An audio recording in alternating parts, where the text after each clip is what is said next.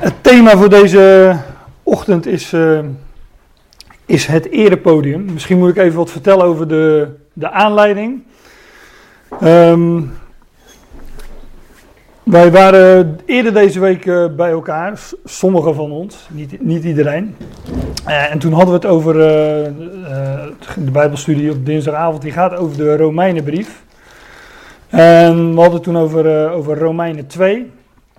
En in Romeinen 2 wordt gesproken over, over oordeel, over gericht. En um, ja, toen kwam de vraag ook naar boven, hoe zit dat met, een, met de gelovigen? Komen gelovigen ook, uh, worden die ook geoordeeld of beoordeeld of ja, hoe dan ook. Het leek mij, mij goed om daar, daar dan eens wat meer over te vertellen. En ik wil dat op, op deze ochtend doen, maar ook nog een, een volgende keer. Ik denk overigens dat als je een beetje tempo maakt, als je een beetje tempo maakt, dat je een redelijk compleet overzicht kunt geven van alle teksten die erover gaan. Um, maar dan pak je dus echt alleen de teksten en uh, ik, ik wil er uh, toch proberen wat meer inhoud aan te geven en ook wat meer nou, ook de context ervan bij te betrekken. Om meteen als voorbeeld te noemen, we gaan straks naar de, naar de tweede Korinthebrief, 2 Korinthe 5. En daar wordt in vers 10 gesproken over het podium of het erepodium, wat in de meeste vertalingen vertaald is met de rechte stoel. Daar zijn ze al. In de meeste vertalingen wordt daar gesproken over de rechterstoel van Christus. Ja, en de vraag is dan, uh, want het, het, is duidelijk dat daar gesproken wordt over uh, gelovigen die voor de rechterstoel van Christus komen te staan. Ja, en dat roept natuurlijk uh, toch wel vragen op als, we, als wij dan gerechtvaardigd zijn, als wij dan vrij zijn van schuld, als wij gered zijn, hoe kan het dan dat we straks voor Hem komen te staan en dat die plek waar Hij dan gezeten is een rechterstoel wordt genoemd? Oftewel de plek waarvan een, uh, waarvanaf een rechter recht zou spreken. Als wij, uh, als wij denken aan een rechter, dan uh, denken we aan een rechtszaak. En dan gaat het over. Jongens, willen jullie even die deur dicht doen?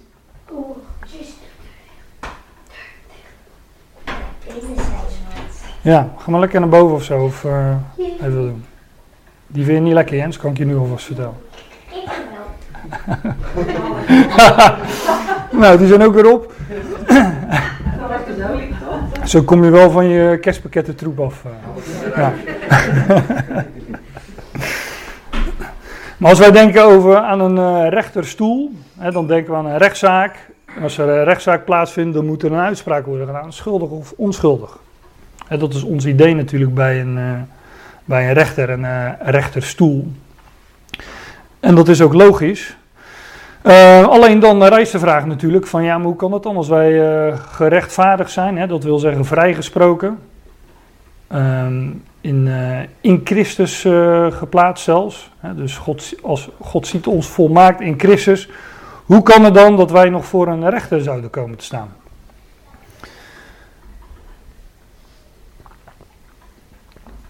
En um, nou, ik heb, ik heb al een voorzetje gegeven door, uh, door deze, stu studie een, uh, een, een, thema mee te geven, een naam, het erepodium.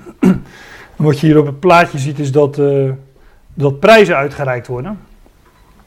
Maar daar zou je natuurlijk ook je vragen bij kunnen stellen. Hè, als wij dan gelovigen zijn die, die leven uit genade, worden we dan toch aan het einde beloond voor dingen die wij gedaan hebben? Gaat het dan toch nog om werk? Is het dan toch niet alleen genade? Moeten we dan toch nog iets doen om iets uh, te verdienen aan het einde van de rit? Nou, dat zijn nogal wat vragen. Ik weet niet of jullie je die vragen ook wel eens hebben gesteld. Maar zo niet, dan heb ik ze nu in ieder geval uh, even in, in, jullie midden neergelegd. Um, zijn daar nog meer inleidende woorden voor nodig? Nou, ik wil uh, deze ochtend proberen in ieder geval uh, twee schriftgedeelten voor het voetlicht te brengen. de volgende keer ook nog een aantal. Paulus noemt in ieder geval, want ik zal me hoofdzakelijk wellicht uitsluitend met de brieven van de apostel Paulus bezighouden. Paulus noemt een aantal analogen of voorbeelden voor het leven van een gelovige. Zoals een renbaan, hè, een wedstrijd waarin uh, gelopen wordt. Hij heeft het over uh, een goede strijd of over de goede strijd. Hij zegt ook dat wij Gods medewerkers of Gods medearbeiders zijn. Hij heeft het over planten en nat maken. Hè, dat is weer een, een voorbeeld uit de agrarische sector. Over gebouwen heeft hij het. Dus dat zijn nogal wat, wat voorbeelden. En nou, die willen we eens, uh, die willen we voorbij gaan en voor het voetlicht brengen. En daar wil ik dus mee beginnen in, in 2 Korinthe 5.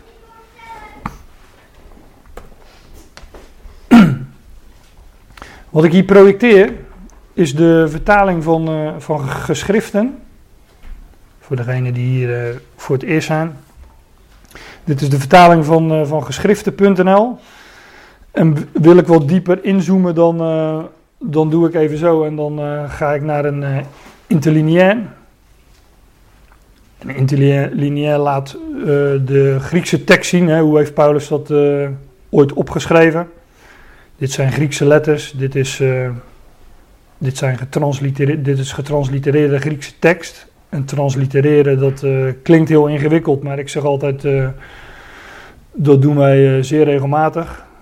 Um, Jens is nogal bezig op school met topografie. En daar leert hij waar Moskou ligt, waar Peking ligt, waar Leningrad ligt, waar Kiev ligt. Nou, daar hebben wij, dat schrijven wij ook als hoe we Kiev schrijven, hoe we Moskou schrijven. Maar die Russen en die die Chinezen en, en noem ze allemaal maar op, die schrijven dat toch echt heel anders. Dus wij hebben die letters, die, of Hebreeuwse letters, of Griekse letters, of Russische letters, of nou, noem het maar op. Die hebben wij getranslitereerd. Dat wil zeggen één op één overgezet in ons alfabet. In letters zoals wij die kennen, in ons alfabet. Dus um, ja, dat, is gewoon een, um, een wetenschappelijke manier van, uh, van weergeven. Even kijken of er een goed voorbeeld in dit vers zit.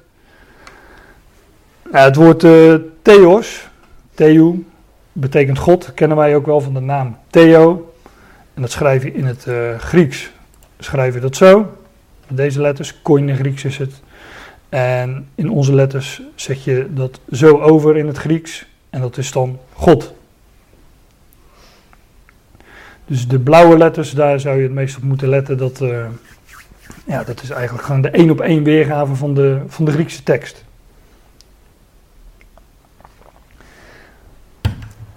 2 Korinthe 5. Ik zei al in vers uh, eh, 10 heeft Paulus het over, uh, over die rechterstoel, of dat podium, wat er dan precies staat, daar komen we straks al wel op. Maar ik wil even de aanloop nemen die, die Paulus zelf ook neemt. Want hij leidt dat in. Um, en uh, ja, juist ook die inleiding zegt wel iets over de betekenis, uh, mijns inziens. Hij zegt daar in vers 1: Want wij weten dat als ons aardse woonhuis van de tentbehuizing gesloopt wordt, wij een gebouw van God hebben in de hemelen, niet met handen gemaakt, een Ionisch woonhuis, een eeuwig woonhuis. Zegt de, zeggen de reguliere vertalingen. Ehm, wij weten dat als ons aardse woonhuis van de tentbehuizing gesloopt wordt. Dat is het eerste zinsdeel. En hij heeft het hier over zijn lichaam, over ons lichaam. Kijk, ik zei al, we, komen, we gaan heel wat beelden tegenkomen. Maar in de Bijbel wordt ons lichaam wel vaker vergeleken met een tent. Ons lichaam is namelijk, net als een tent, een tijdelijke verblijfplaats. Wij weten dat als ons aardse woonhuis, we hebben hier een woonhuis op aarde, en dat noemt Paulus een aards woonhuis van de tentbehuizing. Ik heb, een, heb hier de Statenvertalingen liggen die, die zeggen een, uh, ons aardse huis deze tabernakel. En tabernakel is ook weer een, uh, ja, eigenlijk een oud Nederlands woord voor een, voor een tent. Dit beeld wordt wel vaker gebruikt in de Bijbel, hè, dat het lichaam een tent is. Petrus die zegt bijvoorbeeld, zolang ik nog in deze aardse tent ben, wil ik jullie aan, eraan blijven herinneren. De dingen die ik uh, naar voren heb gebracht over de opstanding van Christus, over het evangelie.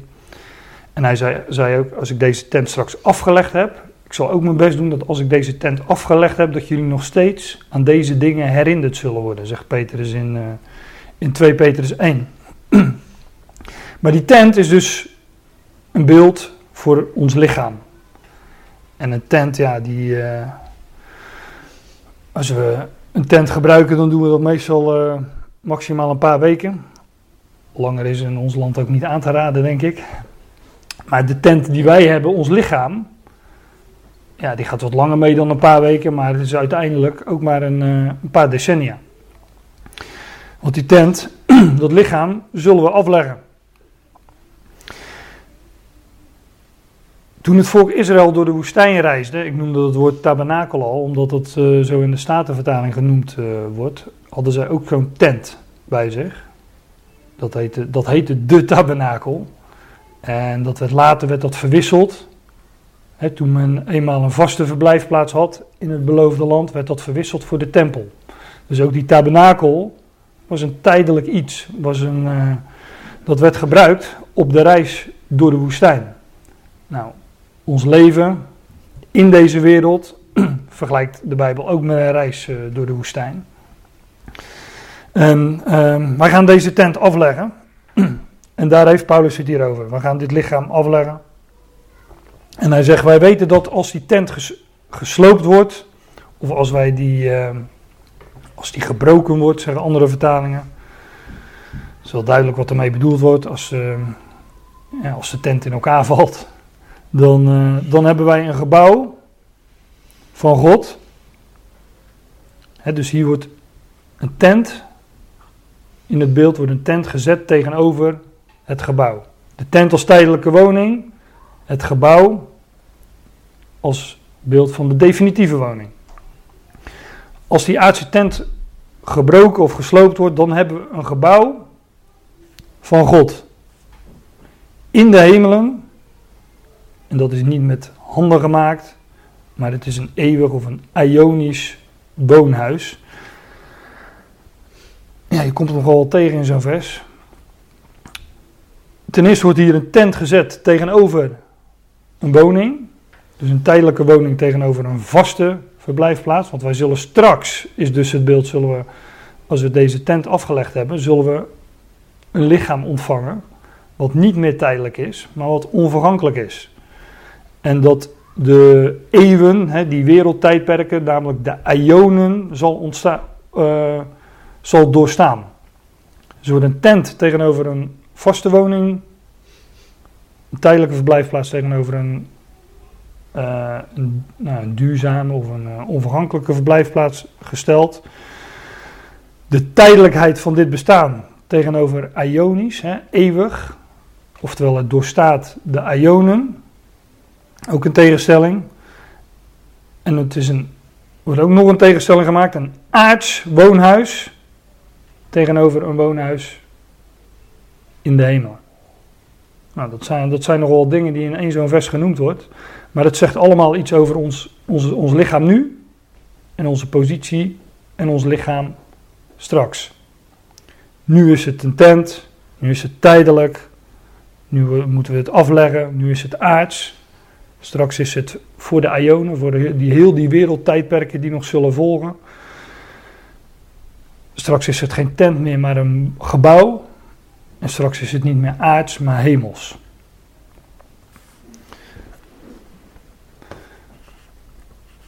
Want hierom zuchten wij ook. Wij verlangen ernaar met onze behuizing uit de hemel overkleed te worden.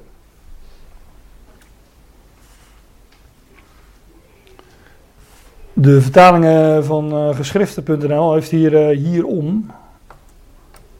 Daarom heb ik de interlineaire er ook bij. De Statenvertaling heeft zoiets als in deze. En je staat letterlijk, eh, want in dit. Dus ik weet niet waarom, ik weet niet waarom er hierom staat. Ik zou eerder vertalen met hierin. Toch als er. In dit zuchten wij. Dus mijn voorkeur zou hebben niet hierom, maar hierin. En hierin gaat, eh, als je mij vraagt, gewoon over dat, uh, over dat lichaam, over die aardse tent, over dat aardse woonhuis. En Paulus zegt hierin zuchten wij ook. Nou, hoezo dan? Nou, wij verlangen ernaar met onze behuizing, onze woning, uit de hemel overkleed te worden. Wij zuchten, want we zijn nu nog in dat aardse, tijdelijke lichaam, in die tent. Maar wij verlangen ernaar om bekleed te worden met onze woning, of overkleed te worden met onze woning, met dat nieuwe lichaam namelijk, dat uit de hemel is.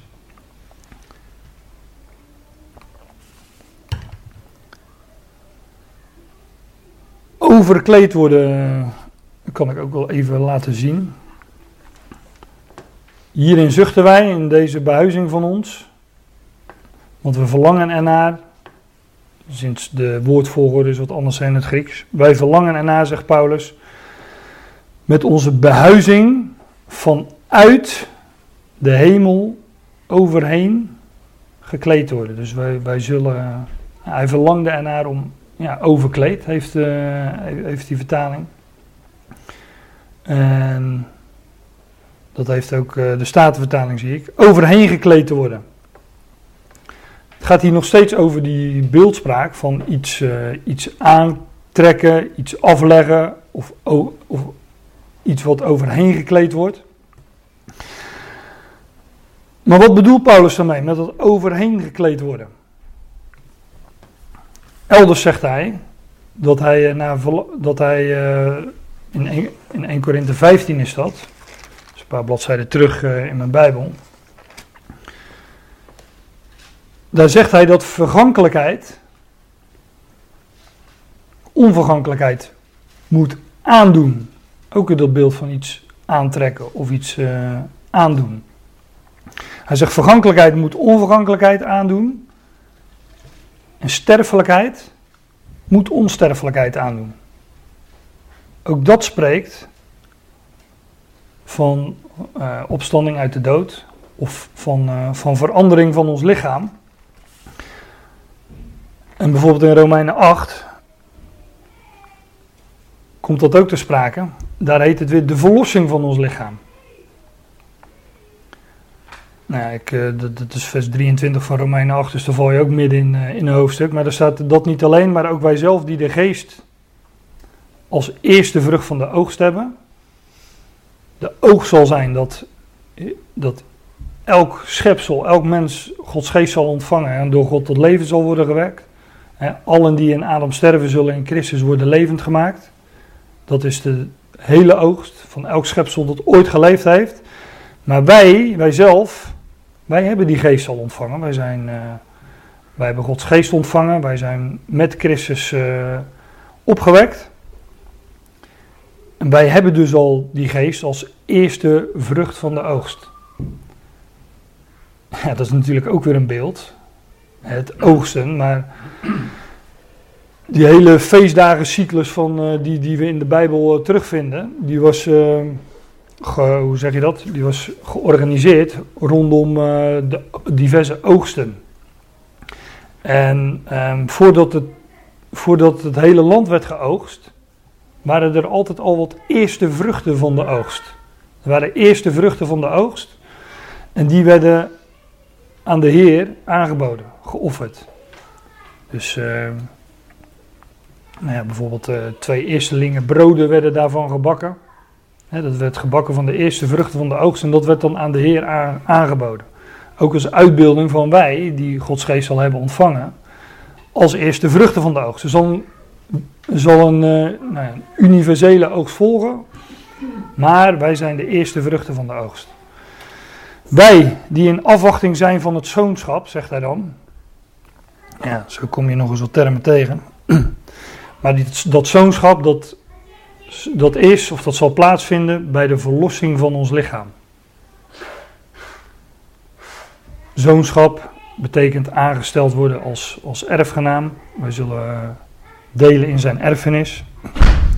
Maar dat zal gebeuren op het moment dat ons lichaam wordt verlost. De verlossing van ons lichaam. En Paulus heeft het, Paulus heeft het in Romeinen 8 over hetzelfde als waar hij het over heeft in 2 Korinthe 5. Bij hierom zuchten wij ook, wij verlangen erna met onze behuizing uit de hemel overkleed te worden. Op het moment dat Christus zal terugkomen, wij noemen dat uh, vaak de, de opname of de wegrukking. Dan zal een moment zijn dat de doden in Christus, zij die in Christus ontslapen zijn, dat die zullen worden levend gemaakt, die zullen worden opgewekt. De doden in Christus zullen worden opgewekt. En degenen die levend zijn overgebleven op dat moment, daarvan zegt de schrift, die zullen veranderd worden. Dus die zullen in, uh, in een oogwenk, zegt uh, 1 Korinthe 15 is dat ook bijvoorbeeld, die zullen in een oogwenk veranderd worden. Van onvergankelijkheid, uh, van, sorry, van vergankelijkheid naar onvergankelijkheid. En hier noemt Paulus dat overkleed worden. Wij verlangen erna met onze behuizing uit de hemel overkleed te worden. Als, onsterfelijkheid, als sterfelijkheid onsterfelijkheid zal aandoen, als vergankelijkheid onvergankelijkheid aandoet, op dat moment, op dat moment zullen wij overkleed worden, namelijk met het lichaam wat wij zullen ontvangen. En wat Paulus dan in, uh, hier noemt overkleed worden, in Romeinen 8 noemt hij dat de verlossing van ons lichaam. Wij zullen van dit lichaam verlost worden. En sommigen die levend overblijven tot, uh, tot dat moment, ja, die zullen veranderd worden. En die zullen op het moment dat wij nog in dit lichaam zijn en leven, zullen we onvergankelijk leven ontvangen. En zullen we overkleed worden. De doden zullen weliswaar uh, eerst opgewekt worden, zegt uh, Paulus allemaal in 1 Thessalonicense 4, maar de levend overgeblevenen zullen veranderd worden. Veranderd worden, vergankelijkheid zal onvergankelijkheid aandoen, sterfelijkheid zal onsterfelijkheid aandoen, de verlossing van ons lichaam, overkleed worden, nou dat zijn nogal wat, uh, wat termen om een en hetzelfde aan te duiden. Dan vers 3, omdat wanneer wij het aantrekken, wij niet naakt bevonden zullen worden. Ook hier weer het beeld van iets aandoen, iets uitdoen. Hè, van een kleed aantrekken en een kleed uittrekken. Um, hier heeft de geschriftenvertaling een, uh, ja, hoe noem je dat? Uh, wanneer wij het aantrekken, dat, dat klinkt nogal actief. Maar in de interlineair is het een, uh, een passieve werkwoordsvorm. Wanneer namelijk ook aangetrokken wordend. Aangetrokken wordend. Het is een ja, passief iets. Wij kunnen daar zelf natuurlijk niets aan bijdragen. Het is allemaal zijn werk. Dat overkomt ons. Wij, de Statenvertaling heeft zo wij ook bekleed worden. wij worden op dat moment bekleed. Worden bekleed. Dat is een, uh, dat is een passief iets. Schriftwoordvertaling heeft dat dan ook echt uh, zo letterlijk vertaald. Wanneer ook wij namelijk aangetrokken wordend niet naakt zullen bevonden worden. Dus dat wordt ons, wij worden overkleed en wij, uh, ja, wij ontvangen een nieuw lichaam. Wij ontvangen een ander lichaam en dat wordt, dat wordt ons aangetrokken. Dat overkomt ons. Dat is passief. Want hierom zuchten wij ook, wij verlangen naar met onze behuizing uit de hemel overkleed te worden. omdat wanneer wij het aantrekken of wanneer het ons aangetrokken wordt, wij niet naakt bevonden zullen worden. Ja, dat naakt, moet ik dan misschien nog even op ingaan. Wanneer wij naakt bevonden zullen worden. het gaat niet, ja, het is natuurlijk niet letterlijk. Het gaat nog steeds om het beeld. Naakt bevonden worden wil zeggen dat je inderdaad dat je die tent hebt afgelegd en dat je bent, uh, ja, dat je bent overleden of gestorven. De doden in Christus, die, uh, die, zij hebben hun lichaam afgelegd. Zij zijn nu, om met het beeld te spreken, naakt. En um, wanneer wij levend overblijven tot die dag, dan, uh, dan zullen wij overkleed worden en dan zullen we bekleed worden en zal onze nieuw lichaam aangetrokken worden.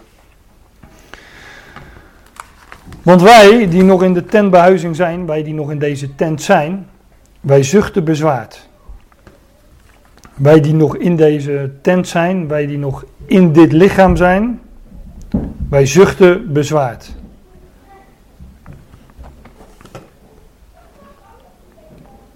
Dat zei eh, Paulus net ook al. Omdat wij niet uitgekleed, maar overkleed willen worden.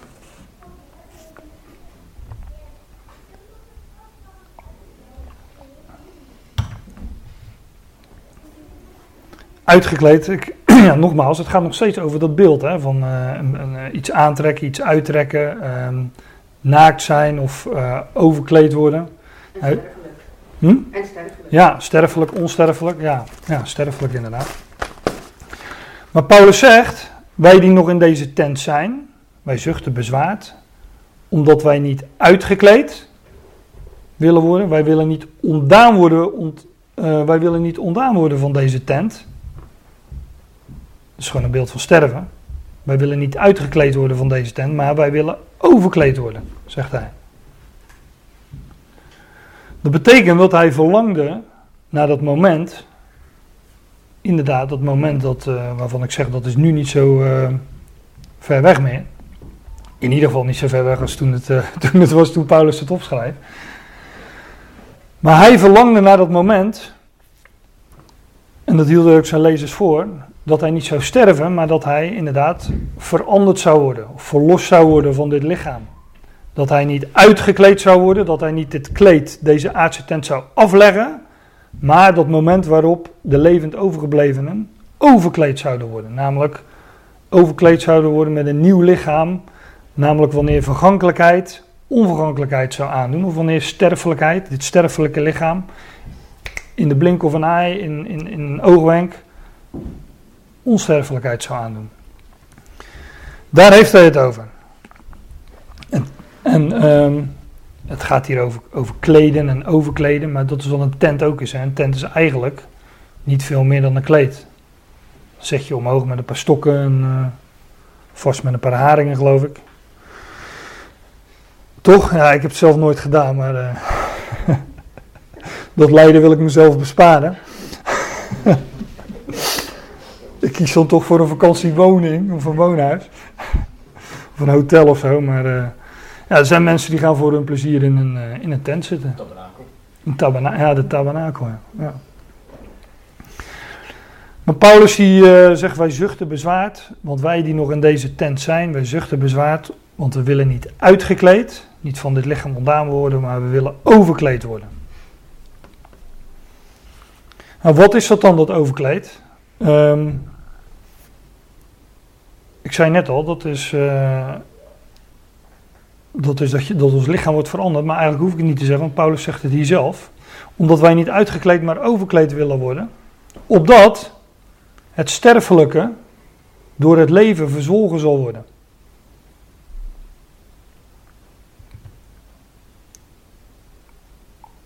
Let ook goed op wat er niet staat. Hè? Er staat niet opdat het doden door het leven verzwolgen zal worden. Paulus heeft het hier niet specifiek over opstanding uit de dood. Namelijk dat als wij dood zijn, als we overleden zijn, dat we dan zullen worden levend gemaakt.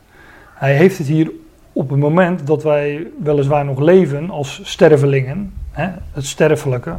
Hij heeft hier over het moment opdat het sterfelijke door het leven verslonden worden.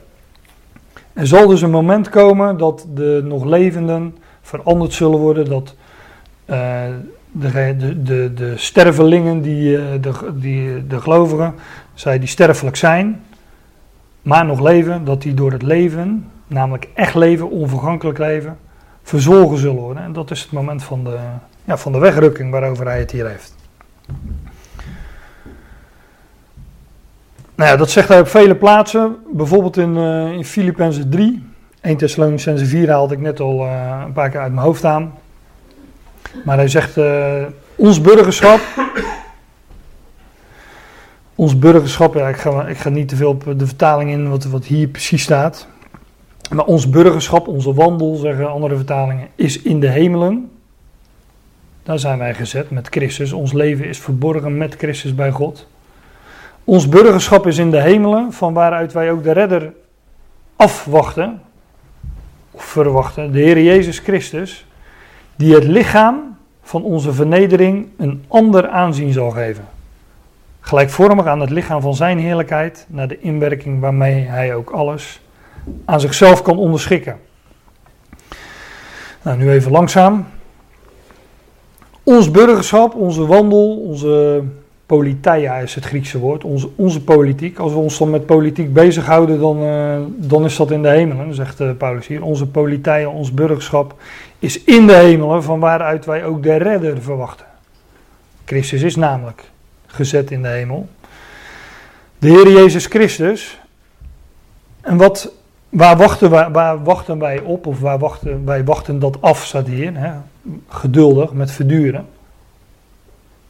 Waar wachten wij op? Nou, op het moment dat hij ons lichaam, het lichaam van onze vernedering, staat hier, een ander aanzien zal geven. Wat gebeurt er als ons lichaam, ons vernederd lichaam, een ander aanzien zal krijgen? Als een vernederd lichaam een ander aanzien zal krijgen, dan wordt het verhoogd, zou je kunnen zeggen. Want het is een vernederd lichaam, dus dat zal verhoogd of verheerlijkt worden. Dat zegt hij dan ook in de, de volgende regel. Gelijkvormig aan het lichaam van zijn heerlijkheid. Dus ons vernederd lichaam zal veranderd worden, zal een ander aanzien krijgen, getransformeerd worden en het zal worden gelijkvormig aan het lichaam van zijn heerlijkheid. Gelijkvormig dus aan zijn opstandingslichaam, want ja, hij heeft een opstandingslichaam. Hij is gezet in de hemel, hij is opgewekt. We hadden het net over eerstelingen van de oogst, maar hij is de eersteling. Hij is de eerste die uit de dood is opgewekt, onvergankelijk leven heeft ontvangen en gezet is in de hemel. En wij wachten nu af tot hij zal verschijnen uit de hemel, namelijk onze redder, die het lichaam van onze vernedering zal veranderen, namelijk verheerlijken en het gelijkvormig zal maken aan zijn verheerlijk lichaam. Ja, dat is zeker nogal wat, ja. ja. Maar dat is natuurlijk ook de, de hoop en de verwachting die wij hebben.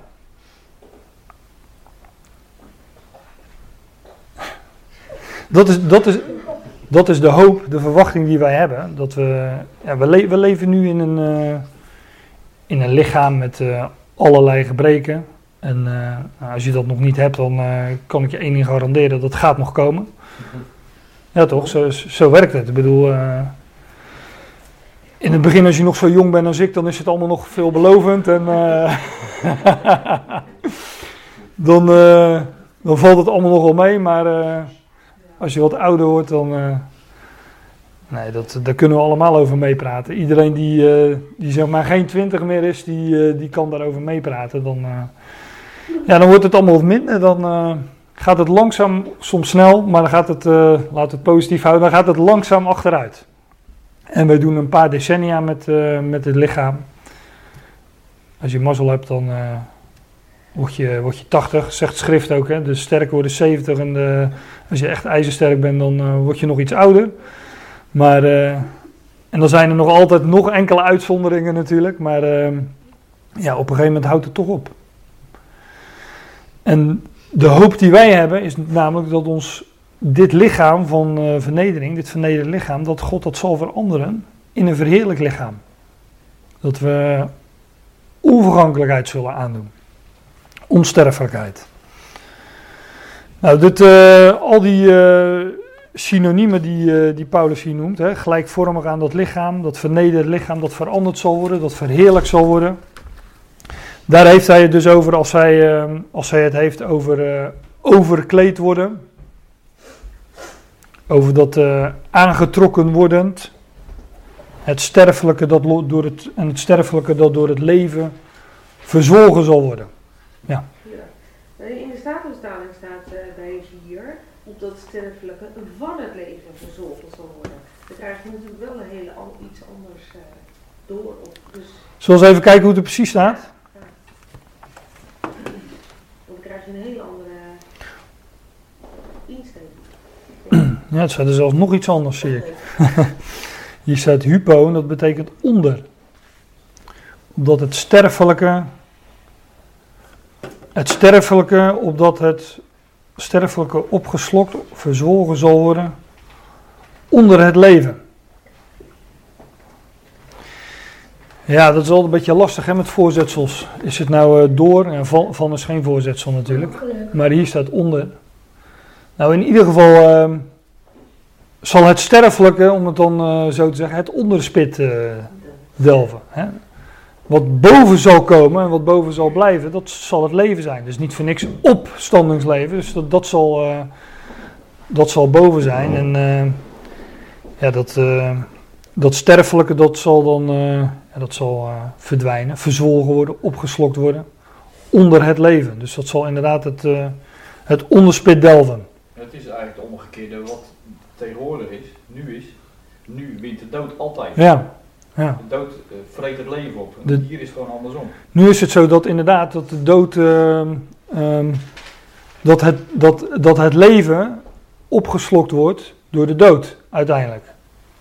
Hè, dus zo, zo kun je ons, kijk wij noemen dit leven, maar eigenlijk is het een, eh, zegt de catechismus dat ook niet, een, eh, een gestadige dood. Ja. Doodformulier.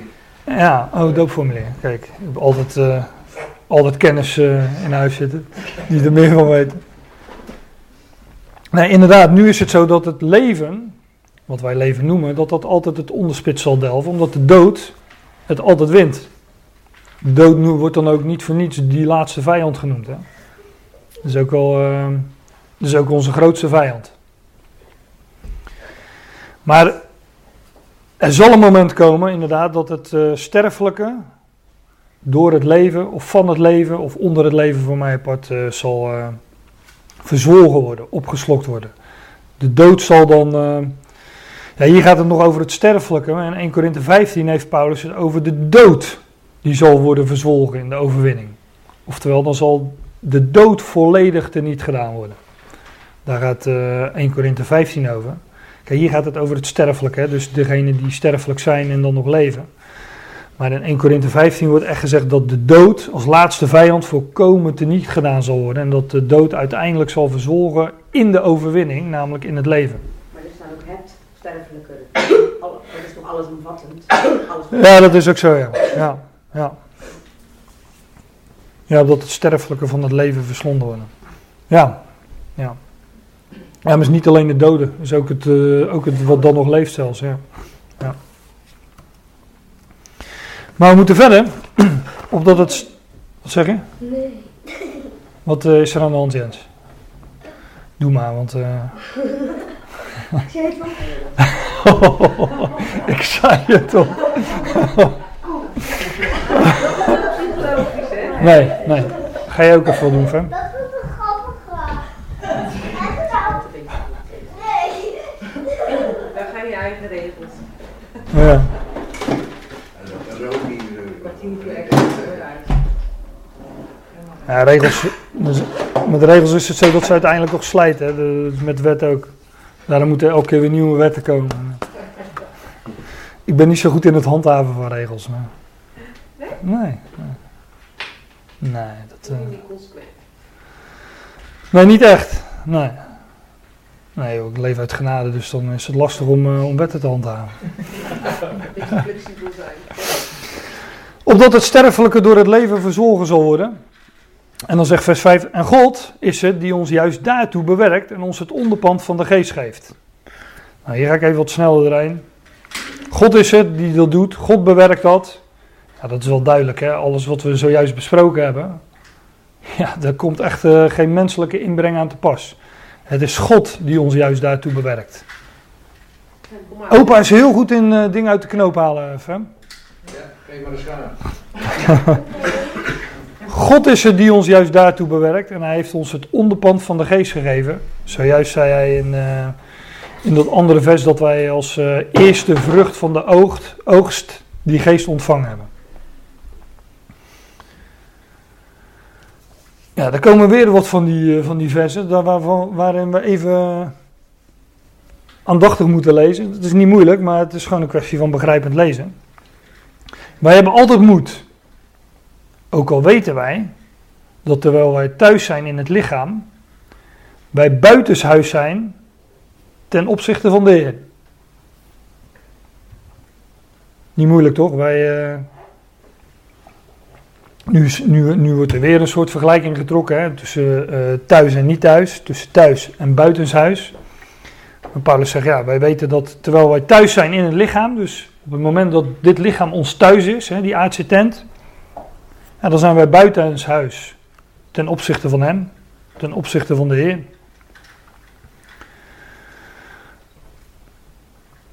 Want wij wandelen door geloof, niet door waarneming, niet door, uh, door zien, door aanschouwen. Overigens, uh, dit woord waarneming is, is weer net wat meer dan zien. Hè. De meeste vertalingen hebben zien. Wij wandelen door geloof, niet door zien of door aanschouwen. Maar waarnemen is nog net iets meer dan iets zien.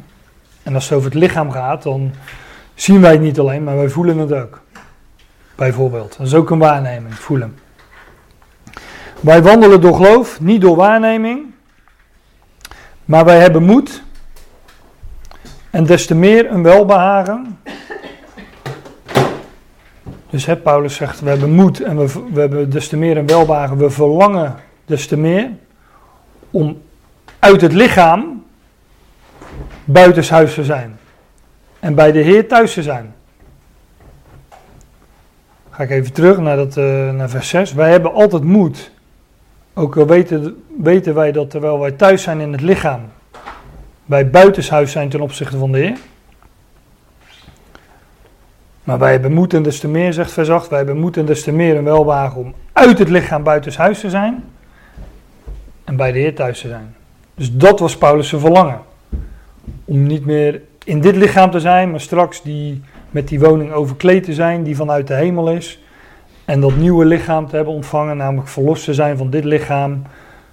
Wanneer dit vernederde lichaam uh, veranderd zal worden. En dat, wanneer we dus een verheerlijk lichaam zullen hebben. Dat was het moment waarop, waarnaar Paulus uitkeek. Daarom ook stellen wij er een eer in, het zij thuis, het zij buitenshuis, hem welgevallig te zijn. Paulus zegt, als wij ons lichaam nu zien als thuis, of, niet, of buitenshuis, je kan natuurlijk op twee manieren opvatten. Je kan zeggen, nou, ik ben thuis in dit lichaam. Maar zolang we in dit lichaam zijn, zei Paulus, ben ik, zijn we niet thuis bij de Heer.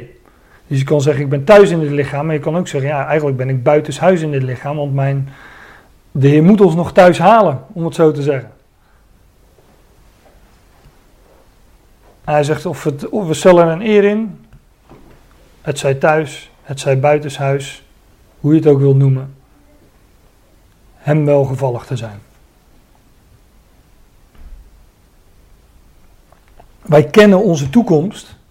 Wij weten dat de Heer ons vernederde lichaam veranderen zal. Dat Hij ons zal verheerlijken. Dat Hij ons thuis zal halen. En zo wordt dat ook al genoemd. Dat weten we. Wij weten dat wij Hem zullen zien.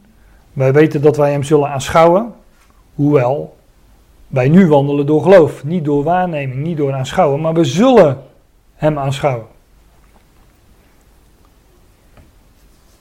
En daarom stellen we er een eer in, zegt Paulus. Het zij thuis, het zij buitenshuis, hoe je het ook wilt noemen. Hem welgevallig te zijn.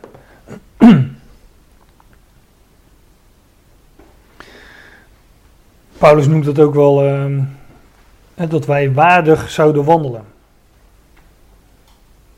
Die, die, term kennen jullie ook vast wel, hè? dat we de heer, voor de Heer waardig zouden wandelen. Dat, en hier zegt hij, we stellen er een eer in hem welgevallig te zijn. Elders, eh, bijvoorbeeld in Colossense 1, zegt hij dat we de Heer waardig zouden wandelen. Dat betekent niet dat we goed ons best zouden doen, of dat we netjes de wet zouden onderhouden, of wat dan ook. Maar dat we een wandel zouden hebben, hè, waardig wandelen, of er een eer in stellen hem welgevallig te zijn, dat we een wandel zouden hebben die in overeenstemming is met onze roeping. Als we weten wat onze roeping is, dan weten we ook hoe we hier zouden wandelen. Of wa- waardig de Heer. Als we weten dat we een Heer hebben die in de hemel is, die voor ons zorgt, die ons beheert, die, eh, ja, die die, van wie wij zijn eigendom zijn. Als we dat weten, dan zouden we in overeenstemming daarmee wandelen. Dus overeenstemming met de wa- wandelen in overeenstemming met de waarde van je roeping, of met de waarde van je Heer, of met de waarde, doen Paulus ook, waardig het evangelie, in overeenstemming met het evangelie. We kennen een evangelie van genade, nou, dus mogen we leven uit genade. Dat is wandelen waardig het evangelie. Ja, dat is toch een belofte? Ehm, Dat kunnen wij toch niet? Uit onszelf. Nee, dat kunnen we niet uit onszelf. Dat is ook iets wat hij, wat hij door, ons, eh, door ons doet. Ja. Daarom stellen we een eer in, het zij thuis, het zij buitenshuis, hem welgevallig te zijn. En ook dat is een werk wat hij door ons, door ons heen doet. Ja. Ja. dat is zeker zo. Maar het gaat in ieder geval niet om dat wij ons best zouden doen en dat wij zelf zouden gaan werken. Dat wij de wet zouden gaan houden en dat we dan de Heer welgevallig zijn of zo. Nee, het is wandelen in overeenstemming met je roeping, met de Heer, met het evangelie. Eh, Anders kom je in de krant, want dan kan je niet maar. nee, dat is ook zo. Ja. Te zijn en niet te doen. Te zijn, te zijn. En dan komt het vers waarin staat dat wij allen voor het podium, of de vertalingen zeggen, voor de rechterstoel van Christus openbaar gemaakt, sorry, openbaar gemaakt worden. Waarom heb ik nou die lange aanloop genomen? Nou, in de eerste plaats kan ik natuurlijk zeggen omdat Paulus dat ook doet. Maar Paulus heeft het over dat wij, ehm, in het voorgaande vers, dat wij er een eer in stellen hem eh, welgevallig te zijn. En dan zegt hij, hij zegt, want wij moeten allen vlak voor het podium van Christus openbaar gemaakt worden. We zullen voor hem verschijnen. Als je het heel het voorgaande leest, al die versen die we hebben doorgenomen, dan denk ik dat je ook moet weten op welk moment dat ongeveer zal zijn. Hè, Paulus spreekt over eh, het moment waarop we die aardse tent af zullen leggen. Nou, ik heb, we hebben het net allemaal besproken. Dat we overkleed zullen worden, dat, we, dat ons lichaam verlost zal worden. Het moment wanneer vergankelijkheid onvergankelijkheid zal aandoen. En of we nu reeds zijn overleden en opgewekt zullen worden. Of dat we op dat moment, eh, en die kans is groter dan toen Paulus het schreef natuurlijk. Of dat we tot dat, op dat moment nog zullen leven en veranderd zullen worden. Maar dat is het moment van, eh, ja, van, de, van de opname van de gemeente, wordt het wel genoemd, of van de, van de wegrukking. Maar eh, meteen daar eh, achteraan zegt Paulus, want wij moeten allen voor Christus verschijnen. Wij moeten allen vlak voor het podium van Christus openbaar gemaakt worden.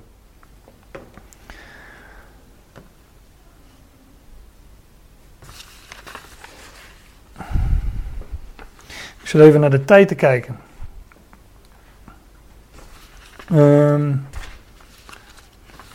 ik denk dat we toch maar even gaan pauzeren. Ik, eh, ik had gedacht verder te komen, maar dat. eh, we, gaan gewoon, eh, we gaan gewoon naar de pauze verder en zien hoe ver we komen. Dus we gaan weer verder. Die ben ik voor gekomen hoor. Ik zal jullie vertellen. Ik, ehm, de presentatie die ik voorbereid had, heb, daarin ben ik nog niet op de helft. Dus want ik wilde 1 Korinthe 3 ook nog bespreken. Maar dat, eh, dat gaan we dus deze ochtend niet meer doen. Maar dat schuif ik dan gewoon naar, eh, naar de volgende keer. Oh, maar we blijven middag ook nog hoor. Maar dat is goed. geen probleem. Eh, dan is het geen probleem. Waar dat die brood meegenomen? De catering. Nee, iemand uit ons midden moest eh, op tijd thuis zijn. We, gaan we gaan niet elke keer zeggen dat het Daniel is natuurlijk.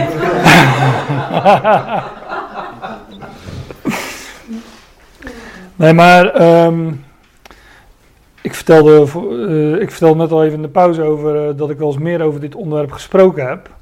En eh, dat ik dus wel in een uurtje, tamelijk rukzichtloos, eh, al die, die schriftplaatsen was langs gegaan. En dat ik daarover zoveel vragen kreeg.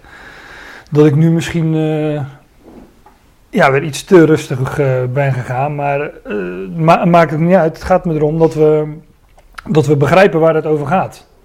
En eh, of we dat nou in één, keer, in één keer of in twee keer of in drie keer doen, ja, dat maakt niet zo heel veel uit.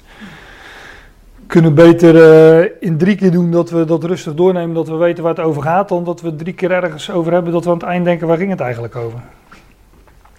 Dus, ehm, nou ja, wij, gaan, eh, wij maken voor vandaag 2 Korinthe 5 af. Vers 10 is natuurlijk eh, het belangrijkste vers met betrekking tot dit thema.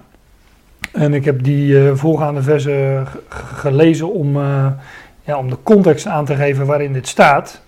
Want hier staat dan eh, dat wij allen vlak voor het podium van Christus openbaar gemaakt moeten worden. En de Statenvertaling heeft dan, want wij allen moeten geopenbaard worden voor de rechterstoel van Christus. Ja, en wat is dat dan, die eh rechtere stoel? Hier staat in de vertaling al een podium, dat, eh, dat is toch wat, eh, wat anders. En ik denk dat we nu ook een, eh, een moment, een, een beetje een idee hebben van het moment waarop dat plaats zal vinden.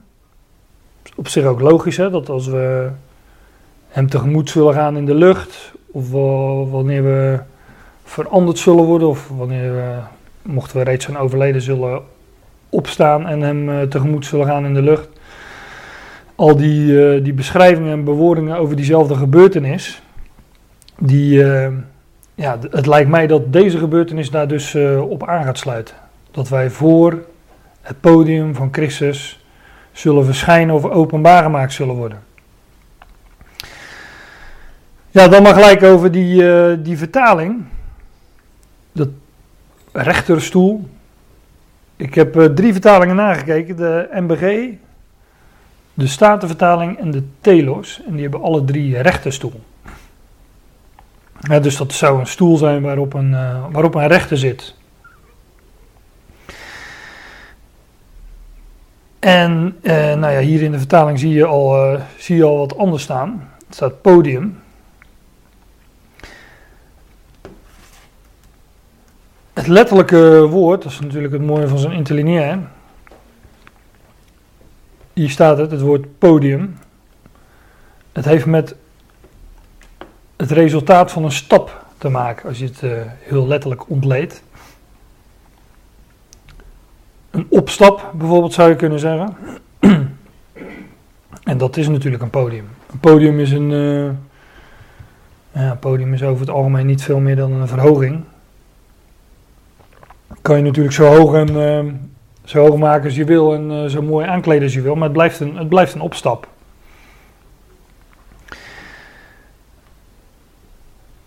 In. Ja, laat ik, als je op dit woord klikt, dat is het- ook het voordeel van zo'n softwareprogrammaatje, dan zie je waar dit woord allemaal voorkomt.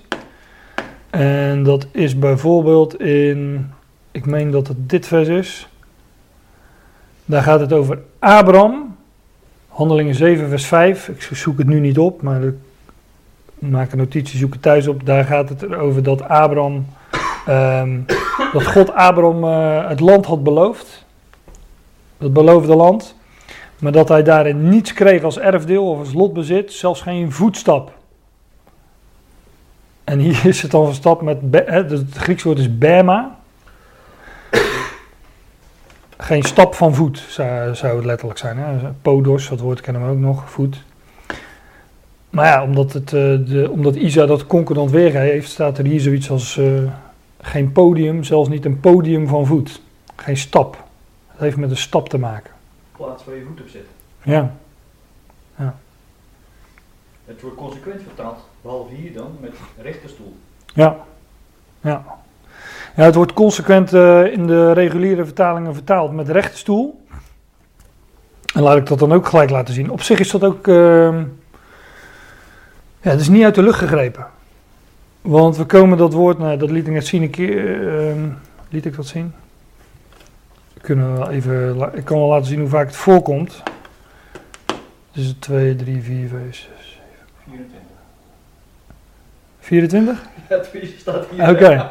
Ja, nou, dit, dit specifieke woord dan een keer of 12 hier, maar er zullen, zal nog wel een, eh, een, eh, een afleiding van zijn. Ik heb zelf het programma.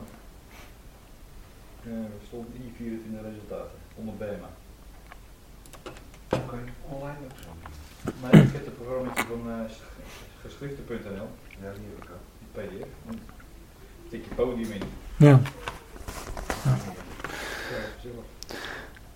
Maar dat, dat woord, ehm, dat nou laat ik het zo zeggen, dat podium, die Bema, die wordt wel eens gebruikt als een rechte stoel. Bijvoorbeeld hier in Handelingen 25, daar vind je beschreven dat de Festus, hij, dat is Festus, vertoeft onder hen niet meer dan acht of tien dagen. En hij daalt af naar Caesarea. En de volgende morgen gaat hij op het podium zitten. Hetzelfde woord, Bema. En hij beveelt, Festus beveelt Paulus voor te leiden. Nou, dat klinkt wel als een, eh, als een rechte stoel, toch? Hij werd eh, voor het podium eh, geleid waar Festus, stadhouder is het geloof ik, waar Festus op gezeten was. Dan staat er in vers 7, en wanneer hij aankomt staan de joden die van Jeruzalem afgedaald zijn om hem heen. En zij brengen vele zware telastenleggingen in die zij niet aan konden tonen. Hier gaat het dus wel degelijk over, eh, over een beschuldiging en een schuldvraag. En eh, een Festus die daar eh, gezeten is en daar blijkbaar een, een uitspraak over moet doen. Dus hier zou je het wellicht wel kunnen vertalen of kunnen uitleggen als de, de rechte stoel van Festus. Maar het wordt ook bijvoorbeeld gebruikt als er een als podium.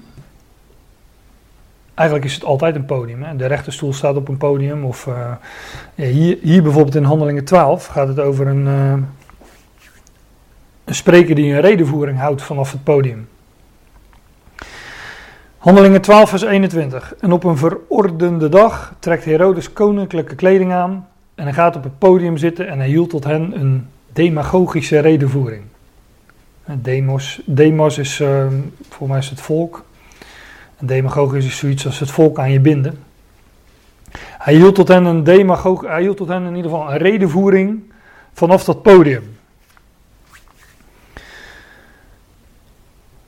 In, je, zou dus, je zou dus kunnen zeggen, die, eh, dat, dat die Bema, dat Griekse woord dan te gebruiken, die Bema is, het, eh, is, is, is een verhoging voor een, eh, voor een rechter of een spreker. ja, een official zouden wij wellicht zeggen. Iemand met een, eh, met, een met, met een officieel ambt of een officiële taak die ergens toe aangesteld is en die spreekt vanaf een podium. Of je zou kunnen zeggen, het is een, eh, een plek of een plaats voor hoog, hoog geplaatsten. Want dat is het podium. Hè? Wanneer je op het podium zit, word je hoog geplaatst. Je bent in ieder geval hoger geplaatst dan degene om of voor het podium. Dus het is een plaats voor, eh voor hooggeplaatsten.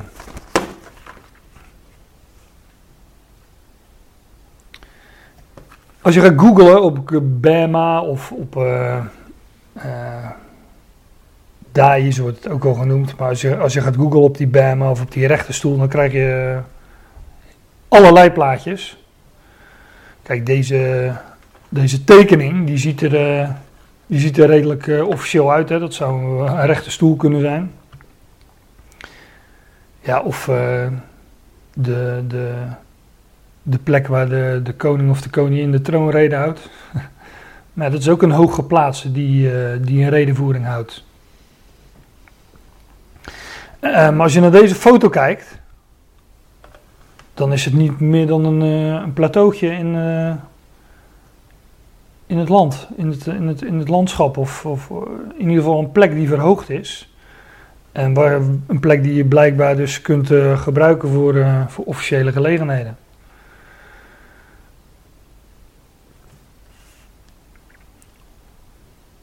Kijk, op het podium waar wij voor verschijnen, ga ik nog even terug, wij moeten allen vlak voor het podium van Christus openbaar gemaakt worden.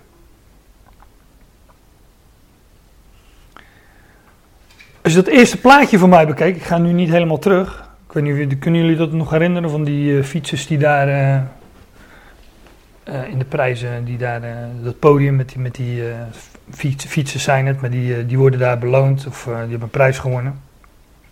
Zo zag ik dat altijd een beetje voor me. Maar eigenlijk wat hier letterlijk staat, is dat het podium niet ons podium is, maar het podium van Christus. Dat staat hier. En wij moeten allen vlak voor het podium van Christus openbaar gemaakt worden. Dus wij worden daar, wij verschijnen daar. Nou, dit heb ik al gehad. Ik heb nog wat podia. Waar mensen in de prijzen vallen. Kijk, die. eh, op, op het podium waar wij voor verschijnen. Ga ik toch nog even terug naar de tekst. Op het podium waar wij, waar wij voor verschijnen. Daar zit hij. Het is het podium.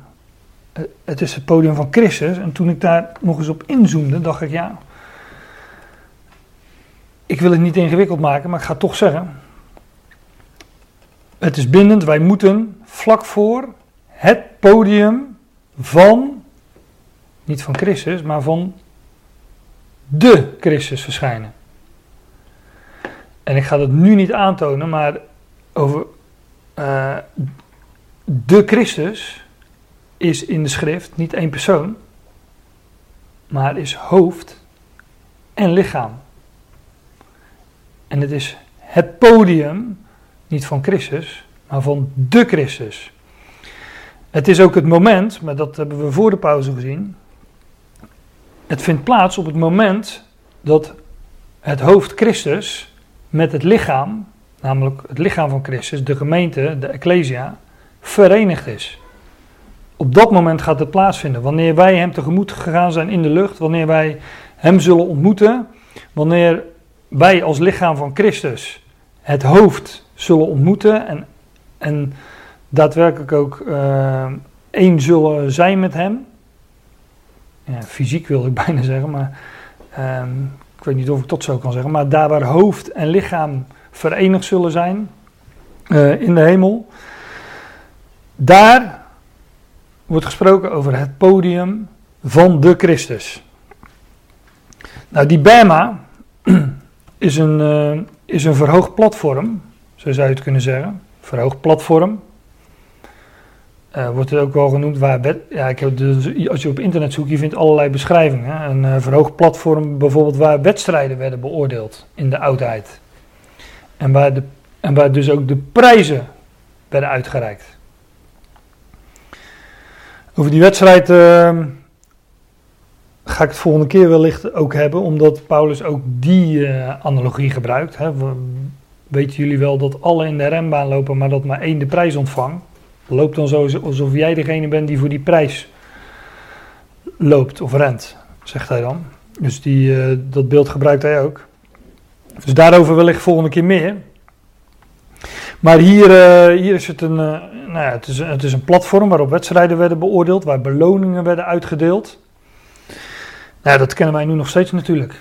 Hè, ehm, bijvoorbeeld eh, dit plaatje linksboven, ja, die, zij worden ook op het podium geroepen om, eh, weet ik veel, ze hebben daar eh, iets in hun handen.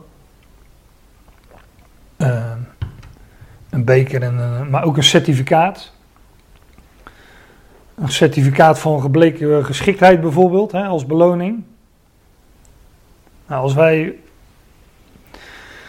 als wij voor het podium van Christus zullen verschijnen, zullen wij daar beloond worden. Daar gaat het over. Bijvoorbeeld. Hm? Dus ervoor, niet erop.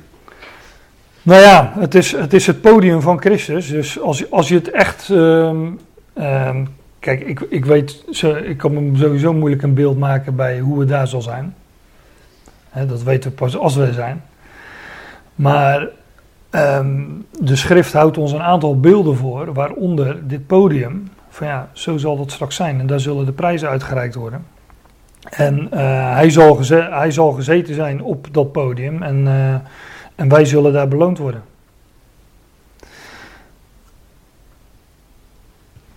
Nou, deze mensen zijn, eh, die hebben wellicht ook voor het podium gestaan en werden op het podium geroepen. Die ontvingen daar hun, eh, certificaat en hun beloning. Ehm, nou, dit is al. eh, dit kennen we ook allemaal. eh, tenminste, het zit mij dan nog vers in het geheugen. Nostalgie. Ja, dat is nostalgie, ja. Dat gebeurt vaak nooit meer. Dat gebeurt waarschijnlijk nooit meer, inderdaad. Zeker de eerstkomende 10, 20 jaar niet, denk ik. Maar eh, ja, ook zij werden daar als Europees kampioen naar voren gehaald en op het podium geroepen en, en beloond. Dit is wel een mooi plaatje, omdat hier ehm, mensen op het podium gezet zijn. En die worden beloond ja, met een bosje bloemen en, eh, en de eer dat je op het podium mag staan wellicht. Maar er staan hier ook mensen aan de zijkant die staan te klappen. En ik, zag in de Concordant Version een, eh, een vertaling van 1 Korinthe 4. Ik heb dat vers dinsdag ook aangehaald. 1 Korinthe 4 vers 5. Daar staat, zodat oordeel, niets, eh, oordeel niet iets voor de bestemde tijd, totdat de Heer komt. Dus hier gaat het weer over dat moment totdat de Heer komt. Die ook de verborgen dingen van de duisternis aan het licht zal brengen. En die daar raadslagen de motieven van de harten openbaar zal maken. Daar zullen dus, daar zal openbaar worden wat de motieven waren waarmee wij de dingen gedaan hebben. Dan staat er, en dan zal de lof van God aan een ieder komen of toekomen. En heeft Concordant Version, daar zal een ieder applaus, zoiets, heeft de Concordant Version zoiets, daar zal een ieder applaus van God, eh, van God krijgen. Ik heb dat Griekse woord ook opgezocht. Dat woord wordt meestal vertaald met lof. Dat betekent zoiets als, we zullen lof van God ontvangen. We zullen ja, complimenten, prijs. Ehm, maar ja, applaus is, ook een, applaus is natuurlijk een uiting van, eh, van lof. Hè? Of van complimenten. Maar dat, ehm, daar gaat het dus over. Wij moeten allen voor het podium van Christus openbaar gemaakt worden. Opdat een ieder voor zichzelf als beloning zal ophalen voor dat wat hij door het lichaam verricht.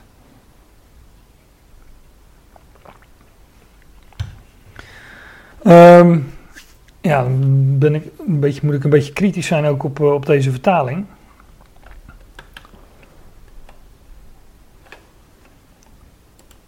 Wat hier staat, is dat opdat een ieder voor zichzelf als beloning zal ophalen. Voor dat wat hij door het lichaam verricht. Ik geloof wel dat het zo is, dat hij het als beloning zal ophalen. Maar het is niet wat er letterlijk staat. Dat, woord, dat als beloning staat, staat er helemaal niet. Er staat opdat hij zou ophalen, een ieder, de dingen door het lichaam. De dingen door het lichaam verricht. Dus inderdaad, het gaat al over het ophalen als beloning van de dingen die door het lichaam zijn verricht. Alleen dat, dat als beloning, dat staat er niet. Er wordt wel beloond. Want kijk, waar men vaak. De ideeën die men vaak hierbij heeft, en daarom wellicht ook die vertaling van rechterstoel, is dat, eh, is dat daar een oordeel plaatsvindt. Hè? Maar Romeinen 8 vers 1 zegt er is geen veroordeling. En dan krijgt toch geen, geen beloning voor wat slecht. Nee. Nee, daar kom ik zo nog op. Maar er is geen veroordeling voor degenen die in Christus Jezus zijn, zegt Romeinen 8 vers 1. Wij zijn gerechtvaardigd, dat wil zeggen vrijgesproken, in een rechte, in een, in een juiste positie tot God gezet. Dus de schuldvraag, eh, die is niet aan de orde als wij voor hem verschijnen. Want er is geen veroordeling voor degene die in Christus Jezus zijn. Wij zijn gerechtvaardigd. Dus uh, wij zijn volmaakt in Christus. Dus eh, schuldvraag is niet aan de orde.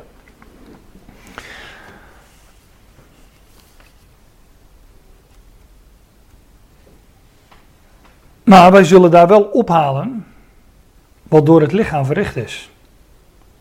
Het zij goed, het zij kwaad. Er, of eh, het zij goed, het zij slecht. Maar dat wat, door het, wat, dat wat door het lichaam verricht is, wat wordt er dan beloond? Wat wordt er dan. ehm, zijn dat onze werken die daar beloond worden, of is dat iets anders? Paulus zegt in 1 Korinthe 15, dat is eh, twee, drie bladzijden terug in mijn Bijbel. Zodat mijn geliefde broeders, wees gevestigd. Statenvertaling heeft hij zoiets als standvastig. Wees gevestigd, onverzettelijk, altijd overvloedig in het werk van de Heer. Wees eh, gevestigd of standvastig is allemaal hetzelfde. Hè? Standvastig is vaststaan, vast blijven staan in. Je vestigen is ook vest of vast is, eh, is hetzelfde. Is gevestigd zijn is ook hetzelfde als standvastig zijn. Onverzettelijk is dat je, niet, dat je blijft staan op, op een plek en dat je, dat je je niet laat verzetten. Dat is allemaal hetzelfde. Wees gevestigd, wees standvastig, onverzettelijk, altijd overvloedig. Niet in het werk voor de Heer, in het doen van werken, maar in het werk van de Heer. Stel daar je vertrouwen en je hoop op in wat Hij doet. Daar gaat het om in het leven. En dat is eh, soms eh, ingewikkeld genoeg, eh, zou ik zeggen, met alle filosofieën en, en andere meningen die, waar je mee te maken krijgt in het leven. Maar daar zouden wij op staan en dat is wat God gaat belonen.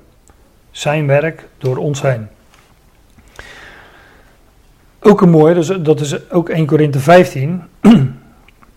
Dat denk je, eh, als je dat leest, denk je, nou, daar blaast Paulus even hoog van de toren. Hij zegt: In de genade van God ben ik wat ik ben. En zijn genade die in mij is, is niet voor niets geweest, want ik zwoeg bovenmatiger dan zij allen. En dan heeft hij het over zijn collega-apostelen.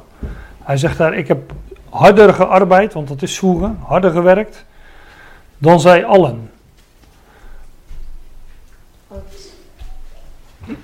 Maar niet ik, zegt hij dan. Heb je geen energie meer? maar niet ik, maar de genade van God die met mij is. Dus ook hier zegt Paulus, het is niet ons eigen werk. Hij zegt, ja, ik heb harder gearbeid dan zij allen. Ik zoeg, bovenmatiger dan zij allen. Alleen hij voegt er gelijk aan toe, ja, dat ben ik niet. Maar het is de genade van God die met mij is.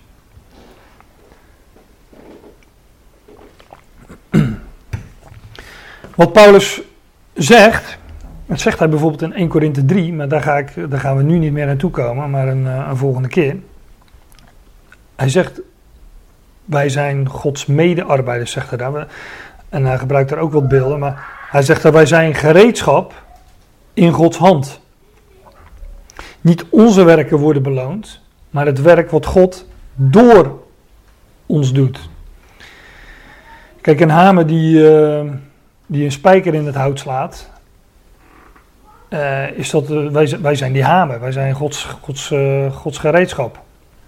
Wij zijn het instrument waardoor God zijn werk doet. Maar is het knap van die hamer dat hij die spijker in dat hout slaat? Nee, er zit iemand achter die dat doet. Of ehm, wanneer nou, ik ben niet zo muzikaal, maar wanneer iemand goed piano kan spelen, zeggen wij dan van, nou, wat, uh, wat doet die piano dat goed? Nee, dat is degene die de muziek maakt, die achter die piano zit en die dat, die piano gebruikt als een, uh, als een instrument. En wij zijn, wij zijn dat instrument van God. Het is niet ons werk, en dat zegt Paulus hier ook, maar het is God die door ons werkt. Het is de genade van God die, uh, die met mij is, zegt hij hier. Nou, ik had dus uh, ja, naar, naar, uh, nog naar 1 Korinthe 3 willen gaan, maar dat komt dan volgende keer. Daar zegt Paulus, uh, daar heeft hij het over, over zichzelf en over Apollos. Een andere, eh, iemand anders die in Korinthe het evangelie had gebracht. En hij zegt daar van, ik plant, Apollos begiet, Dus die geeft het water. Maar het is God die de groei geeft. Dus al die. eh, kijk, wij, wij, wij worden gebruikt door God wellicht om te planten, om te begieten. Maar dat wat wij niet kunnen als mensen, dat is de groei geven. En dat is wat God doet. Dus God doet dat werk, maar hij gebruikt ons daarvoor.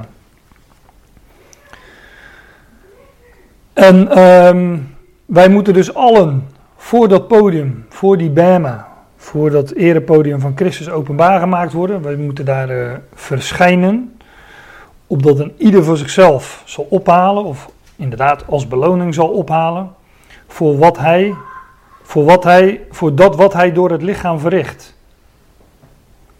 Ik zou bijna nog zeggen dat hij, dat zou je met een hoofdletter moeten schrijven, voor dat wat hij door het lichaam verricht. Is God die door ons heen werkt. Het is God die door ons lichaam de dingen verricht.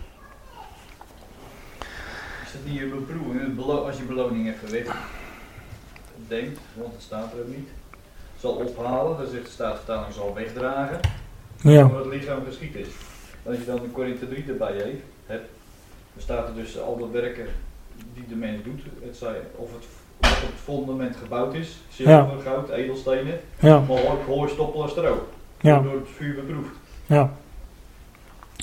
Ja, daar wordt. eh, nou, la- laat ik daar dan. eh, ja. Kijk, ik had, ik had 1 Korinthe 3 ook nog willen bespreken. Maar ik- dat, hield, dat haalde ik dinsdag ook al even aan. En toen ging ik daar vrij snel doorheen. En toen, dat wil ik niet nog een keer doen, want ik, ik, wil, daar, ik wil daar ook een keer eh, even rustig doorheen lopen. Dus ik ga er nu niet naartoe, maar wat, wat daar wel wat daar gezegd wordt, is dat wij, ehm, eh, het gaat ook over onze verschijning voor Hem. En dat daar openbaar zal worden, eh, dat ook daar ieders werk openbaar zal worden. En daar wordt, daar wordt de vergelijking gemaakt eh, met, met, met, met een vuur.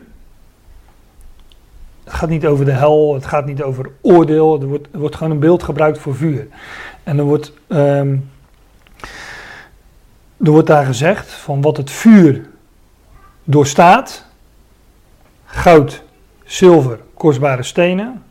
Dat werk zal blijven. Maar dat wat niet vuurbestendig is, is dus niet bestendig voor onvergankelijkheid.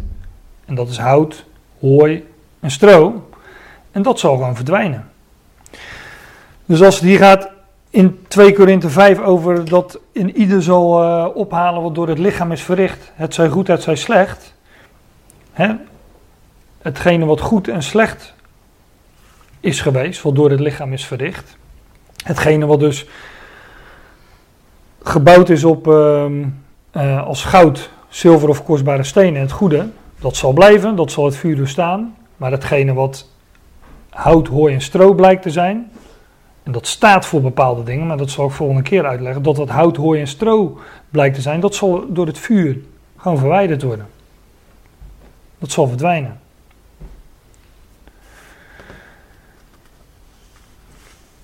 Daar zal dus openbaar worden wat eh, goed was of slecht, wat goed of kwaad was. Gaat niet, dat gaat niet specifiek over zonden. Worden, on- onze zonden worden daar niet opgerakeld. Het is niet zo dat, eh, dat wij voor het podium van Christus staan en dat we dan een eh, film van ons leven zien, bij wijze van spreken, en dat daar alsnog die zonden nog eens beoordeeld gaan worden. Van ja, nu heb je dat en de, aan de rechterkant staan de goede dingen die je gedaan hebt. Aan de linkerkant, dat is een wat langer rijtje natuurlijk, daar staan de slechte dingen. En daar gaan we het nu eens even over hebben. Nee, het verdwijnt. Dat wordt weggedaan, dat, want het is, ehm, het is niet vuurbestendig. En in 1 Korinthe 3, maar daar hebben we het dan volgende keer over, daar gaat het echt met name over religieuze activiteiten. Religieu, dat, wat, dat wat van het vlees is, dat wat van de mens is, dat hoeft niet per se per definitie zondig te zijn zoals wij vaak aan zondag denken. Ik bedoel, eh, straks ga ik dat brood eh, wat ik van Fred heb eh, gesneden, ga ik ook aansnijden. Ja, dat, dat, is, eh, dat, is ook, dat is ook, we moeten dat vlees voeden. Dus wij, wij, wij zijn in dat lichaam in deze aardse tent. En die dingen die vleeselijk zijn, eten, drinken. ehm, nou ja, ik kan honderd voorbeelden noemen, maar dat is niet per definitie zondig. Maar het is wel, eh, het is niet, eh, het is niet eh, bestendig voor de onvergankelijkheid. Dus het zal, daar zal, daar bij, voor het podium van Christus zal geopenbaard worden wat goed is, dus wat blijvend is. En wat slecht was, maar wat slecht is, dat zal verdwijnen, het zal weggedaan worden. Want, dan zeg ik nogmaals, er is geen veroordeling voor degenen die in Christus Jezus zijn. Dus daar wordt niet geoordeeld. Samenvattend, alles wat niet zijn werk is, verdwijnt daar. Dus we houden, het, het, is, het is een moment om naar uit te kijken. We zullen daar eh, inderdaad staan, eh, staan juichen op, op dat podium, want alleen dat goed is, alleen wat goed is, dat zal blijven. Al het andere verdwijnt. Gerard, Ja. is dit, eh, het zijn goed, het zijn slecht. Is dat ook niet dat je dat in dezelfde context, context kan zien als eh, dat je geen goed kan zien zonder kwaad? Ehm, Dat het zichtbaar maken. Ja, dat is, dat, dat is natuurlijk, eh, dat is denk ik de, ook de les die we in het leven eh, natuurlijk leren. Dat we pas het goede kennen en herkennen en vooral wa- waarderen als we het, het kwade kennen, het slechte kennen. ook over het openbaar gemaakt worden. Ja. Ja, ja het wordt onthuld of ehm, ja, hoe staat het er precies? Voor mij eh, is niet het woord apocalyps openbaar maken, maar dit eh Fanero heeft met eh, schijnen te maken. Dus daar, wordt- ja, daar wordt zichtbaar, daar verschijnt wat, daar verschijnt wat door het lichaam verricht is. En ja, het zij goed, het zij kwaad. Maar het goede wordt beloond. Maar dat wat niet deugde, dat wordt. Het is niet zo dat we daar straf voor ontvangen of zo, om die term dan maar te gebruiken. Dat lees je nergens in de schrift dat een, dat een gelovige nog eh, straf zou ondergaan of wat dan ook. Nee, het, het goede wordt beloond. En eh, dat wat niet goed is, het wordt weggedaan. Het verdwijnt. Het gaat in eh, vlam op, want het is niet, het is niet bestendig voor de, voor de onvergankelijkheid. Maar het wordt wel onthuld. Ook het kwade dus. Ja, ja, het wordt wel onthuld, maar de, de vraag is natuurlijk in welke mate. Nou ja, ik weet niet eens of het onthuld wordt, nu ik er zo over nadenk. Al- Alles komt openbaar, maar het, het kwade kan in het licht gewoon niet blijven bestaan. Nee. Gelijk weg. Er staat het toch openbare maar. Ja? Dus, en dan die, die wijzing daarachter. Ook het goede, hè, het zijn toch slecht, toch? Ja, maar slecht hebben we benauwd. Wij moeten voor de, wat ik hier lees is dat wij voor het podium van Christus eh, verschijnen, openbaar worden gemaakt. Omdat we, omdat we daar zouden ophalen en ehm, eh, dat we beloond zouden worden voor de dingen die door het lichaam zijn verricht. Ja, het zij goed, het zij kwaad. En eh, van het goede lees ik dat het wordt beloond en dat we lof zullen ontvangen. Hè, complimenten en eer en, of applaus, zoals de Concordant Version dat dan zegt. En dat in 1 Korinthe 3 lees ik dat dat goud, zilver en kostbare stenen, edelgesteente als beeld, dat dat door het vuur beproefd wordt en blijft bestaan. Dat wat wij, waarin we standvastig zijn geweest, zoals Paulus dat in 1 Korinthe 15 ze- zegt, in het werk van de Heer, dat blijft bestaan. Ja, en al het andere verbrandt. Is gewoon weg. Wordt weggedaan. Het is ook al een beloning dat. Ja, dat zie ik ook nog als een beloning. Ja. Ja. ja. Het wordt weggedaan. En daar, eh, ja, daar, hoef je, daar, daar hoef je niet alles voor op te rakelen, om het zo te zeggen, om het gewoon weg te doen. Dus wat daar overblijft, is het goede. Dat wat wel, eh, dat wat je, nou ja, om het zo te zeggen, dat je, wat je wel mee kan nemen naar de, de onvergankelijkheid in. Namelijk, want dat is onvergankelijk. En dat neem je mee. Dus het wordt een, eh, het wordt een hele feestelijke aangelegenheid. Van alle ballast ben je dan verlost. En eh, alles wat je nog over hebt is inderdaad wat, wat op hem gebouwd is. Wat onvergankelijk is. Wat, wat de toets van, eh, ja, van het vuur doorstaan heeft. Al die lui die er op het podium staan, dan zie je toch ook niet anders onderweg tig keer op de plaats gegaan zijn. Nee, dat is wel een goeie. Ja, ja. Ja, maar de meeste mensen waar je, waar je dit onderwerp mee bespreekt, die, die voelen zich in hun hemd staan en dan, eh, ja, dan komt alles naar boven. Hè? Als je iets denkt, dat is ook zonde. Ja, Ja, Zo, zo interpreteren ze dat, maar het is weer de keerzijde Ja. van God die het goede doet en niet het Ja. slechte laat bestaan. ja, ja. Ja, ja in je hemd staan inderdaad. Ja, we hebben daar net een nieuw lichaam, dus eh, Ja. ja, als je dat met een We hebben geen hemd meer nodig. heb je geen hemd meer nodig. Dat is ook erg voor Eh, je, blijft in jo je bent en blijft in Jood natuurlijk. Moet altijd vooruit denken. Laat er even in een hempje staan. Maar, maar wat ik wel een mooi vind, dat wat Fred zegt, laat, laat, laat ik daar dan mee afsluiten, ook als, eh, als bruggetje of als eh, teaser voor de volgende keer. Paulus, eh, die mensen die daar op het podium staan, die zijn daar, eh, die zijn er blij en gelukkig en eh, die ontvangen lof en applaus. Maar wat je niet ziet, is waarvoor, wat ze allemaal afgezien hebben. En al die mensen die hier op het podium staan, ja, die linksboven weet ik niet, maar die hebben allemaal afgezien. Ik bedoel, Paulus, Paulus heeft het daar ook over in vergelijking. Dat hij niet kijkt naar wat achter zich ligt, maar naar voren kijkt naar wat voor hem ligt. En hij, eh, en dat, hij zegt, weten jullie dan ook dat alle die in de renbaan lopen, daar wel lopen, maar dat maar één de prijs ontvangt. Nou, en die, die lui, dat, eh, hij zegt dat... eh, je komt deze dingen voornamelijk in de Korinthebrieven tegen. En eh, ook die, over die rembaan gaat het in, eh, in, Korint, in de Korinthebrief. Dat was in het oude Griekenland. En daar had je de Olympische Spelen. En eh, eh, daar kregen mensen, wij geven medailles en, eh, en bekers en dat soort dingen. Maar daar, daar deden ze dat allemaal voor een, eh, een lauwe kransje. Met eh, dat je wat, eh, wat van die laurieren takken is het, zijn het geloof ik. Hè? Daar werd dan alles voor gedaan en daar werd voor afgezien. En Paulus zegt van, ik doe maar één ding en ik ben daarop gericht. En door daarop gericht te zijn, ben je meteen, zie je van al dat andere af. En je ziet niet aan deze mensen wat ze hebben afgezien om dit te bereiken. En daar zal, ja, ik vind die vergelijking wel mooi wat, wat, Fred, wat Fred zegt. Dat, dat zal daar ook zijn op dat podium van Christus. Die zaken waarvoor eh, is afgezien, ja, dat... eh, in ieder geval de zonde en eh, de, de, de werken of werken van de mens, van het vlees, ja, die zullen daar niet gerekend worden. Dat wordt daar weggedaan en daar worden slechts de prijzen uitgereikt. Ja, een bloemetje.